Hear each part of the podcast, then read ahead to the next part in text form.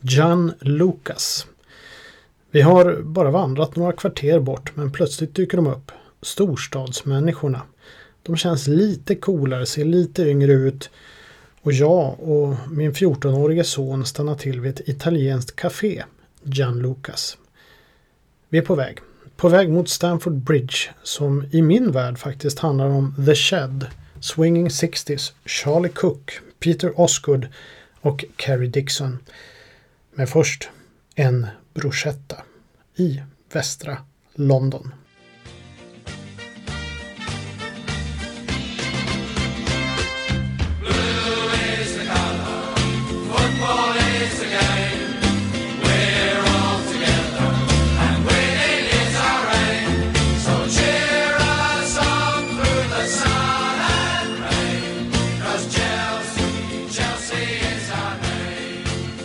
Lördag förmiddag. Chelsea har inte hemmamatch förrän om en vecka.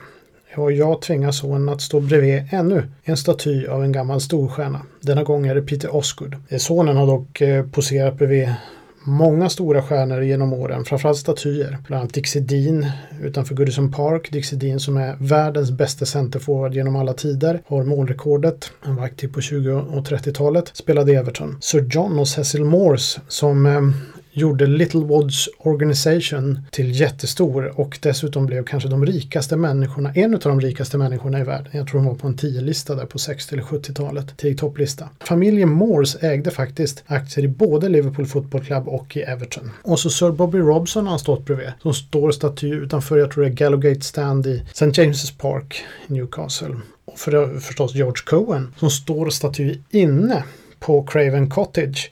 Och George Cohen var faktiskt ytterback i England som vann VM 1966 och togs faktiskt ut i världslaget. Kanske inte sådär jättekänt men en fantastisk spelare och en legendar i Fulham. För att inte tala om Johnny Haynes som står utanför Craven Cottage och eh, dess magiskt fina fasad ritad av arkitekten Archibald Leach. Johnny Haynes var förresten en av de kanske främsta passningsspelarna i England genom tiderna och var en stor legendar i Englands landslag och i Fulham Football Club. Pelé ska ha sagt att Johnny Haynes är den främsta passer of the ball han någonsin har sett. För jag är inte så bra på att, vad ska man säga, hugga tag i levande människor för att ta, ta selfies åt sonen eller mig. Däremot gillar jag selfies och gärna med någon annan ur min familj. Så därför får det bli statyer eller byster. Det funkar alldeles utmärkt. Min norrländska blygs är inte riktigt kompatibel med selfies av levande människor. Med några få undantag som Kevin Sheedy som jag tog en selfie med eh, förra året. Kevin Sheedy är en vänster mittfältare eller ytter som spelade i Everton på 80-talet och en av mina absolut största idoler. En irländare med en magisk vänsterfot. Eller Duncan McKenzie har jag också stått bredvid. Och han är ju kanske den största historieberättaren inom engelsk fotboll överhuvudtaget. En riktig lirare när han spelade i bland annat Nottingham, Everton, Leeds och Chelsea på 60 och 70-talet. En lirare som kanske inte passade in i den tid som rådde då. Men dessutom en skojare, en gamäng. Han hoppade bland annat över sådana här Mini Coopers och gjorde stor show av det. Många av de historier man hör, bland annat det som Henry Mooney kommer berätta om som jag intervjuar senare i den här podden kommer faktiskt från början från Duncan McKenzie. En estradör helt enkelt. Ja, och så har jag tagit selfie med Speedo Mick. Och det kan man ju liksom inte motstå. Speedo Mick är en kille som går på alla Everton-matcher hemma och borta. Han är endast iförd Speedo-badbyxor, blåa självfallet, Speedo-badmössa och simglasögon. Och sen samlar han in pengar för välgörande ändamål.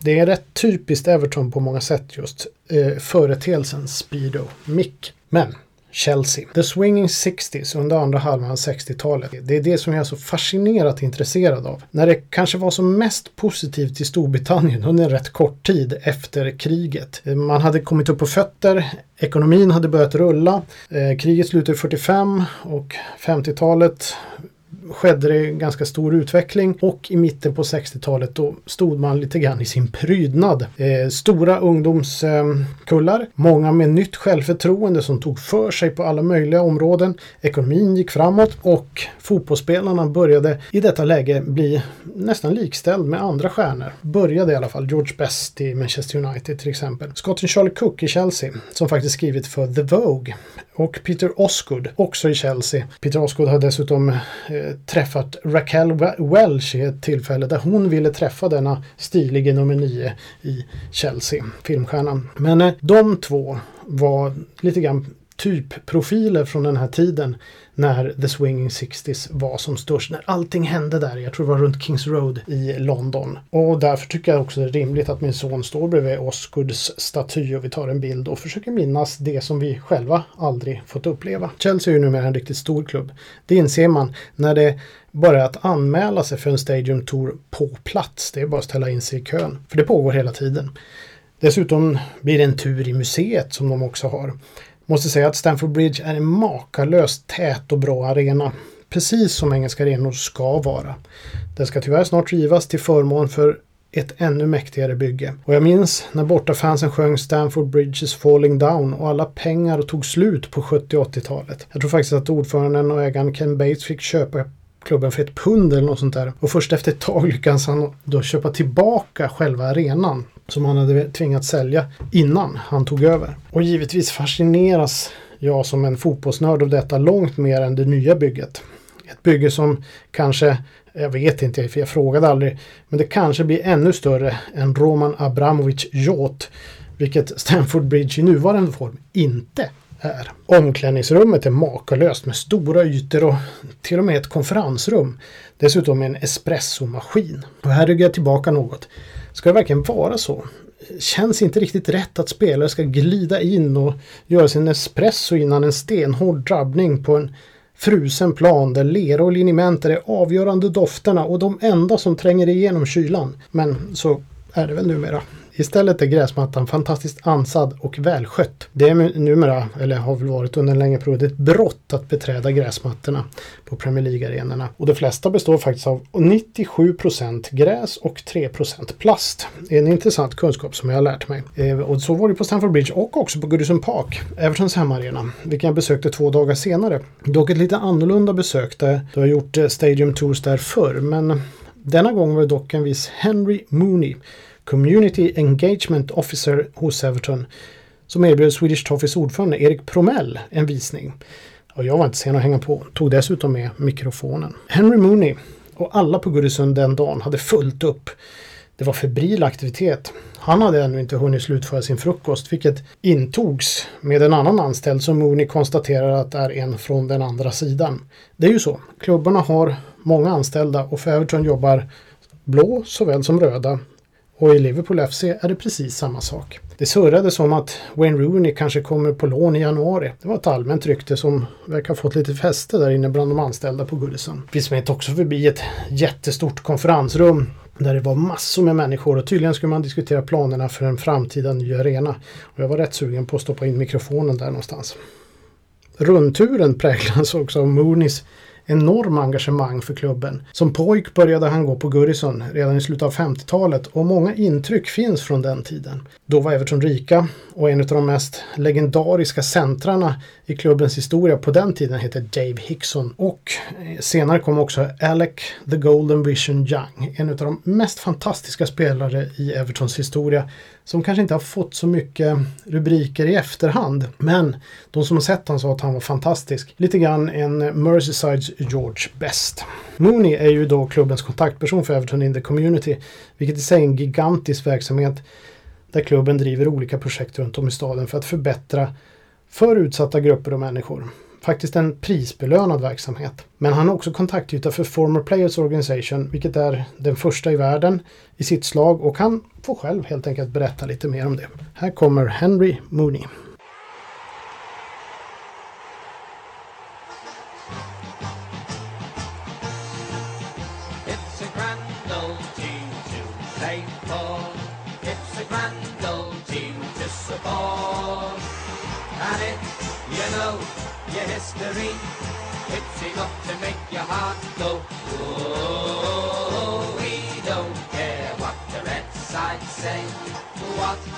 Heck do we care? Cause we only know that there's gonna be a show when the Everton boys are there.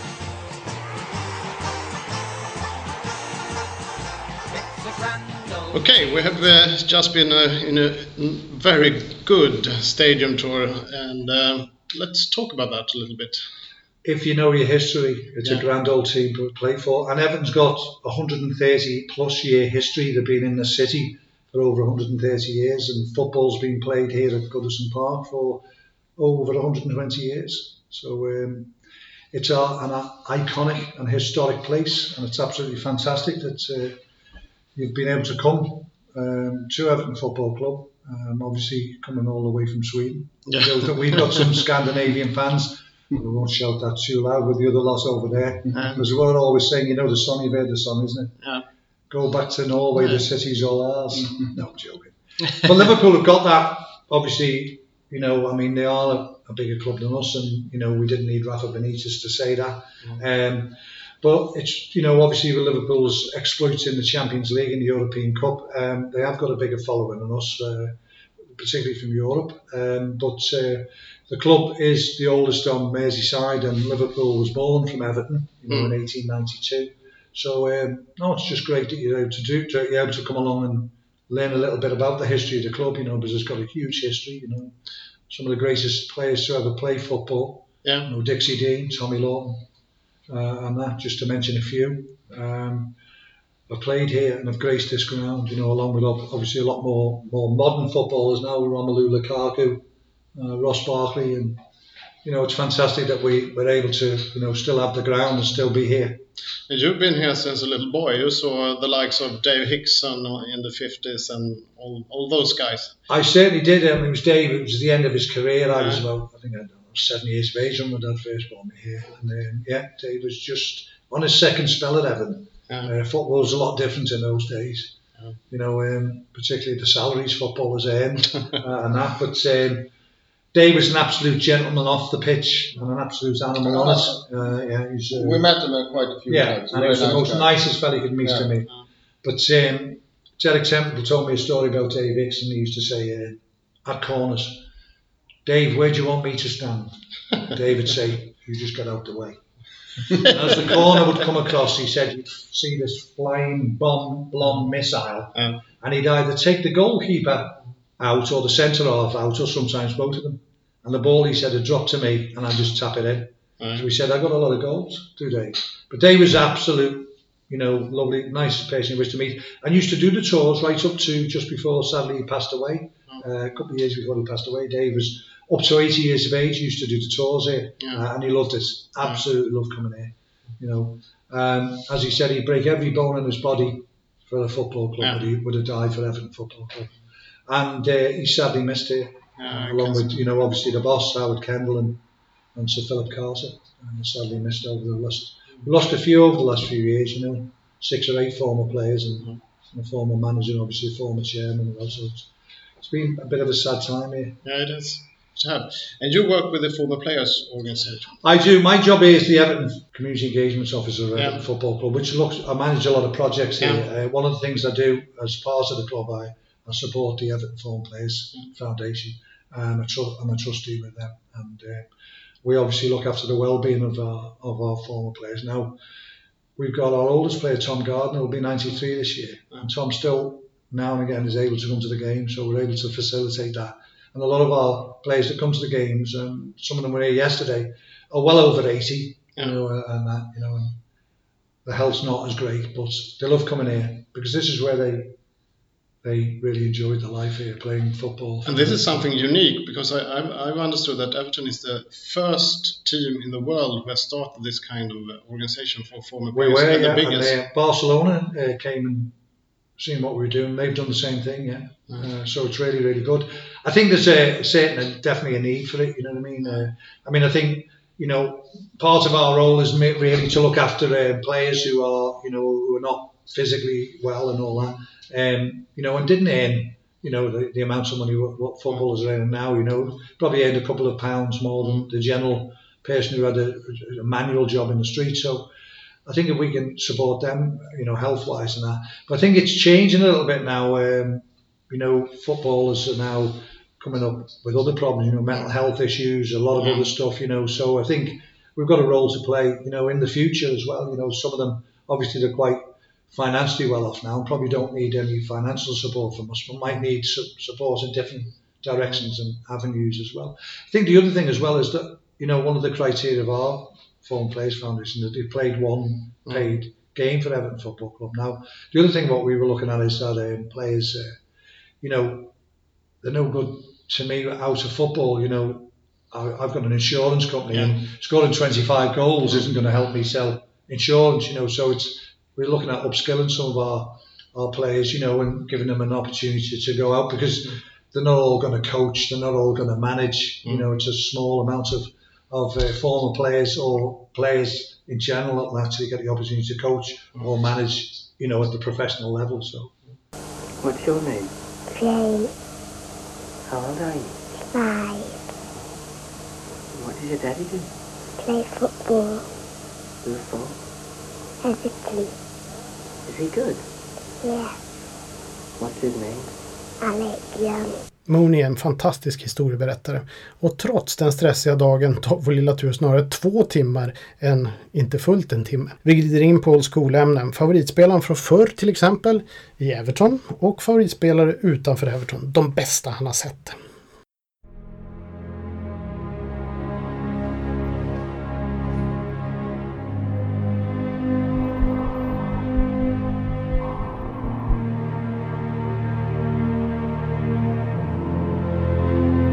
For every generation of football fan, there is a player that defines their relationship with the sport. A player that elevates their Saturday from a pastime to a spiritual experience. For Evertonians in the 1960s, there was one player above all others. This is the story of Alex Young. That was great.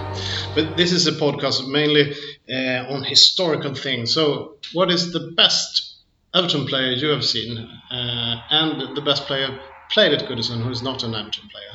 I think the best player I've ever seen, the best player that I've ever seen here at Everton is Alec Young.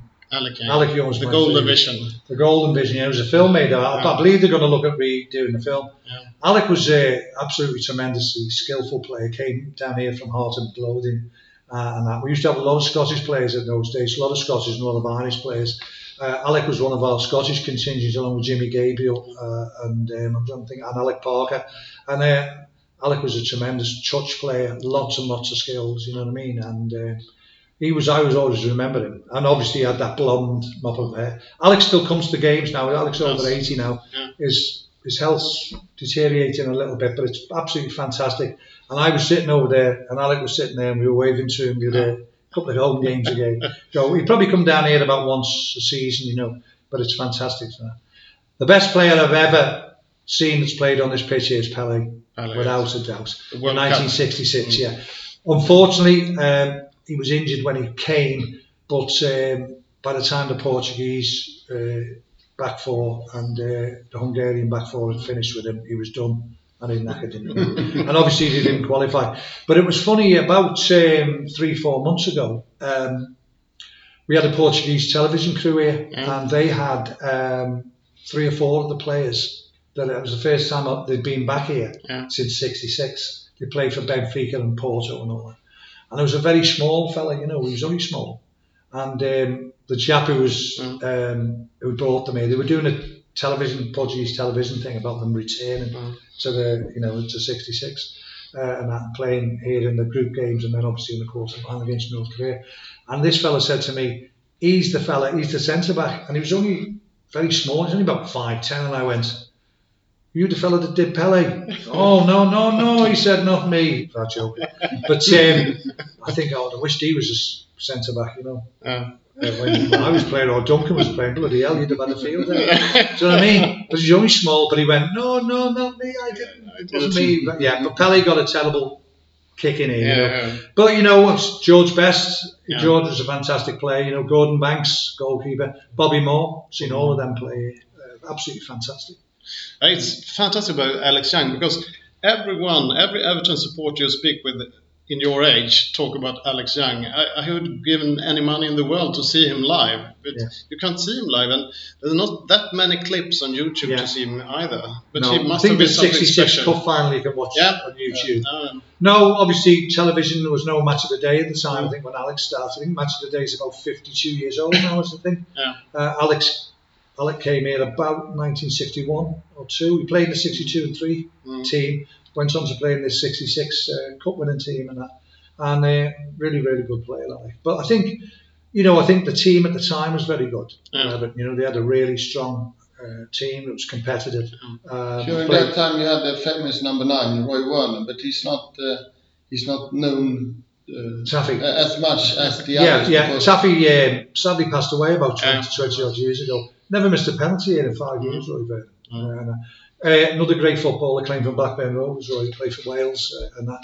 Um, great, great footballer. You know, I mean, we had some fantastic. But he was smoking very heavily, wasn't he? He did smoke, but a lot, most of the players smoked then in those days. You know, they smoke and you know they, they used to drink quite a bit, you know, as well. I think, uh, but I think that was just the the culture of the game. Then, you know, I think a lot of even right up to I think, you know, the early you know the early nineties when Arsene Wenger came here. I think one of the things was he was quite surprised that, that English footballers actually smoked and, and drank. You know what I mean? And, that, and I think the culture is out there. You don't see many footballers, if any, smoking now, and drinking is in very small moderation. You know, I don't think smoking you could actually keep up now. I think No. you know the levels of you know the game's so quick now, and you know they're playing on fantastic surfaces. They're finely tuned, you know, athletes. You know what I mean? And um, it's changed a lot. You know, I mean, in those days when they played, you know, I mean, Alec. Yeah, well, Alec played. There were no subs. Yeah. There were no substitutes. So if you got somebody injured, you either played with ten men or you put them on. They usually went on the wing, you know, somewhere or you know out the road, you know. But uh, oh yeah.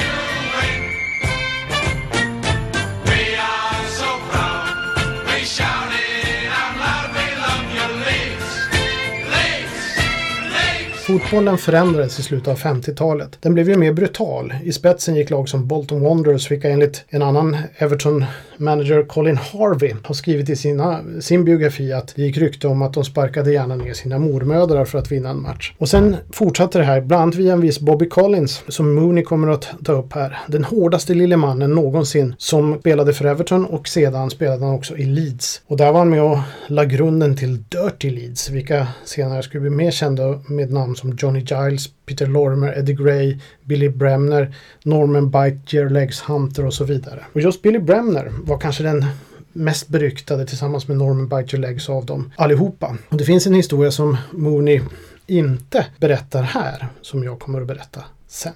Men först, Henry Mooney. But um, you know, in those days they didn't, and, football was tough in those days. I mean, uh, Derek Temple told me a lot, and Jimmy Alice were playing Bolton Wanderers. Yeah. Bolton Wanderers won the FA Cup in 1958, and um, everybody in the world wanted Manchester United to win the FA Cup that year because obviously of the sad uh, happenings at uh, Munich, you know, with the air crash and with so many players, you know, Duncan Edwards and Berry and all of them losing their lives. And I think everybody in the world, except the people of Bolton, wanted United to win the cup. Bolton won the cup in 1958, and Dennis Stevens, who played for Bolton and then came to Everton. Uh, Dennis was Duncan Edwards' cousin. They both came from the same uh, area of uh, Birmingham um, together. And uh, Dennis played in that 1958 Cup final uh, and then came to Everton. But uh, we went. That Dennis passed away about three or four years ago. And we went between Christmas and New Year, and they were all there, all the old Bolton players. But they said that um, they were really tough. You know, John Higgins, Mark Higgins, who played for us. Mark's father played in that team. John, um, Tommy Banks was very well known, rather nasty fullback. You know, um, Jimmy Ellis told me a story. He used to say to me, "Hey lad," he said, "you need to come down this end of the field." He said, "I can't kick you from there." you know, they, were absolutely ruthless. Yeah. Derek shot, they'd absolutely break. They go and potentially try to break your leg, you know. But that was that was what football was then. It was tough, you know. You got up and you you carried on. You know what I mean? And it was the late 50s and the 60s. Yeah, late were more- 50s, very early 60s, yeah. that was at the time. 58, 59, 61, 62. Um, I remember you have told stories about uh, Bobby Collins who played for Everton and Leeds, who was Yeah, one Bobby- of the hard men. yeah, in Bobby. Bobby left Everton in 1963, I think. Yeah. Uh, 62, 63, um, and went to Leeds, yeah. and he was the first one uh, of a couple of players like Norman. Yeah, he was. I mean, Leeds were uh, languishing in the bottom of the second Yeah. division. Don Revie had just become the manager, and um, you know, and he changed his, uh, the success of that team round from being, you know, in the bottom end of the second division to challenging with Liverpool. Yeah. Um, you know, in the 60s, mid 60s to late 60s, challenged for everything, FA Cup League. Yeah. They were always there or thereabouts, you know. And a really tough team. Had some really skillful players. Eddie they Gray, Eddie Gray, Peter Lorimer later on. You know, Johnny Giles was a fantastic footballer. But um, he, he, he, he instilled that ruthless streak into them, and he wouldn't take any prisoners at all. He'd No. kick you, really. You know, Bobby, Bobby was at the centre of that. You know, but Bobby was a talented footballer. Mm. Bobby could play. I, you know, you know, what? That reminds me of Bobby Collins, Yeah. Graham Souness, Graham Souness, skillful player and kick people. Yeah. And, uh, and one thing about Bobby was he kicked him, he wouldn't complain. Mm. He'd just kick you back. But you know, Bobby had that skill level as well as that nastiness, you know, in him as well. And that, I think that's what made him such a great player. I think Graham Souness was the same. I think he was he, he kicked people, Yeah. and but he, he was a skillful footballer as well. I go to it. It's very nice to have been here. And where are we sitting now? We're sitting in. You're in the Skybox here. This is where the actual television. Uh, this is where they deliver the games for Sky and BT. Yeah. So we're actually sitting uh, where you see Jamie Carragher, maybe not mention his name this, blog, but uh, Uh. and Jamie Redknapp. You know, um, that's where they'll be up here, and uh, Gary Neville. Karen Sports, yeah. So that's where they'll they'll actually deliver it here, yeah. Or usually they deliver it upstairs and they, they've got a box upstairs. So they'll actually that's a film studio. What we usually in here is all the guys who riggers who set up all the camera stuff Ah. and make sure it's ready. Yeah. Now there's a, a TV documentary about. Uh, no, yeah, it's about um, a young lad from Liverpool who was sadly um, shot dead. He was 11 years of age. It's 10 years ago now. Rhys Jones, um, and we're doing a bit of a film about his life and about, you know, about the actual case uh, and that, you know, how hard it was. Uh, people don't realise actually getting a conviction, you know, uh, and, and thankfully they did, you know, uh, and that was nothing like that should ever happen to anybody. Never No. mind an 11 year old lad who'd just been playing football. But I think the city rallied round, uh, um, you know, both at Anfield and uh, Goodison Park. He was on his way home from a football game, and there Yes, were some was, gangs yeah, who was who were yeah, shooting on each yeah. other, And, and they came he happened in to be in between. the middle of it. Yeah. Yeah, which was very, very sad. Oh, it's very sad. Uh, but um, you know they're making a, a film about that now, so I'm sure it'll uh, hopefully it will promote um, you know about what people went through, you know, and, and hopefully that'll encourage people not to pick up firearms and guns, you know, No. because there's too much of it now in this country. Thank you very much. I, Oh, you're I welcome. appreciate it. It was we very, hope very to nice. see you back here at Goodison Park in the not too Ah, distant we will. future. We will. We Thank you.